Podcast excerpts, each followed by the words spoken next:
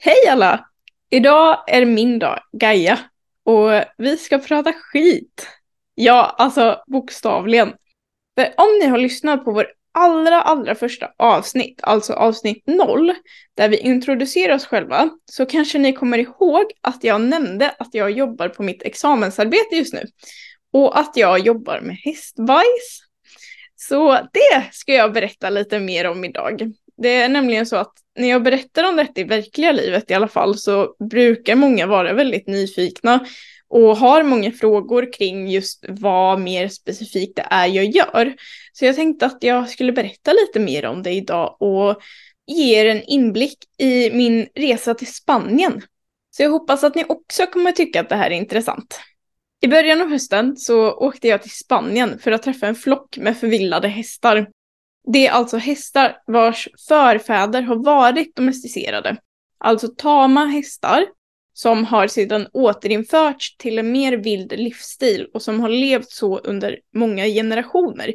Till den punkten där hästarna som lever nu inte längre är tama.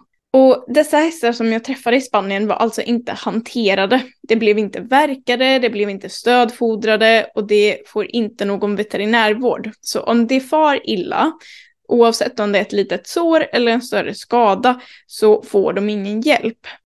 Detta kan såklart verka väldigt brutalt, men att låta naturen ha sin gång är en viktig aspekt av en hälsosam och välfungerande ekosystem. Och etiken och de etiska frågorna bakom sådana här ställningstaganden över om man ska eller inte ska ge någon hjälp till de här djuren som vi återinför i olika miljöer är frågor som de som arbetar med beteendeekologi ställer sig ständigt. I just det här fallet har de alltså valt att inte lägga sig i överhuvudtaget. Vår guide berättade dock att det får vittna många gånger om att dessa hästar klarar sig väldigt bra ändå. Hästar är allmänt väldigt tåliga djur och många av de rovdjuren som finns, i alla fall på den här nationalparken, håller sig oftast borta från hästarna om de har möjligheten till det, vilket jag tyckte var väldigt intressant. Så hästarna är lite av ett så här sista utväg om de verkligen, verkligen inte får tag i några vilsna kostar eller buffalos till exempel. De hade bland annat fått vittna om en hingst som hade fått en väldigt allvarlig skada men som överlevde och klarade sig så bra att han faktiskt blev en väldigt uppskattad del av flocken. Så vi åkte alltså till Spanien, ut i den här gigantiska nationalparken och letade efter hästarna och deras bajs. Men varför? Jo, jag vill åt hästarnas DNA. Och är ni riktigt klipska här så kanske ni hinner tänka att bajset innehåller väl ju det som hästen har ätit, inte hästens egna DNA. Och ni har absolut rätt att det mesta i hästens bajs är ju typ det som blir över från gräs och liknande. Men lite av hästarnas egna DNA hänger faktiskt med. Så jag fyllde väskorna med spansk hästbajs och åkte hem till Sverige igen. Och här har jag nu spenderat hösten med att i princip pilla ut DNA och ta reda på vad DNA-sekvensen säger. Så nu börjar detektivarbetet där jag kommer lista ut om dessa hästar skiljer sig genetiskt från våra allmänna tama hästar. Alltså hästarna vi har i våra stall pysen till exempel. Det är nämligen väldigt stor sannolikhet att vi faktiskt inte har några sanna vildhästar kvar i världen alls. Vi har länge trott att Przewalski-hästen var vilda, men nyare forskning visar faktiskt att detta kanske inte är sant.